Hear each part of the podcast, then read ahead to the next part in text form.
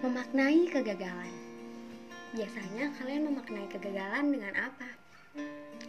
Peristiwa buruk atau pengalaman yang gak pernah pengen kalian ulang lagi. Padahal kalau kita mau ingat-ingat, mereka lah yang menjadikan kita kuat hingga saat ini. Aku pernah merasakan kecewa yang amat besar. Uh, dulu saat aku ditolak oleh universitas impianku rasanya sakit sekali. Tapi kemudian aku bertemu dengan kata-kata habiskan jatah gagal.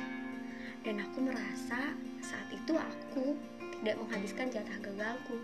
Karena setelah aku ditolak, aku langsung memilih untuk berkuliah di tempat yang lain. Padahal masih ada banyak cara untuk aku bisa masuk ke universitas impianku.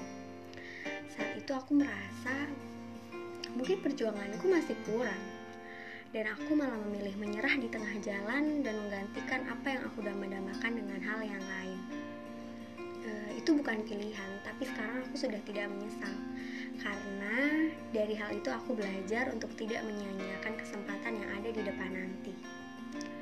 Selain itu, aku juga pernah dengar kalimat seseorang yang bilang bahwa ketika kita jatuh 10 kali atau bahkan 1000 kali, kita akan mengalami rasanya bangkit seribu kali juga.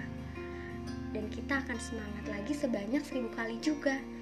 Dan tidak ada yang salah dari kita yang merasa kecil, jatuh, kecewa, takut.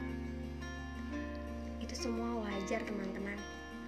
Yang harus kita ingat adalah kita selalu punya banyak cara, banyak jalan untuk menuju hal yang kita inginkan dan untuk mencapai apa yang kita damba-dambakan, kita tidak boleh lelah hanya karena satu atau dua kali kegagalan.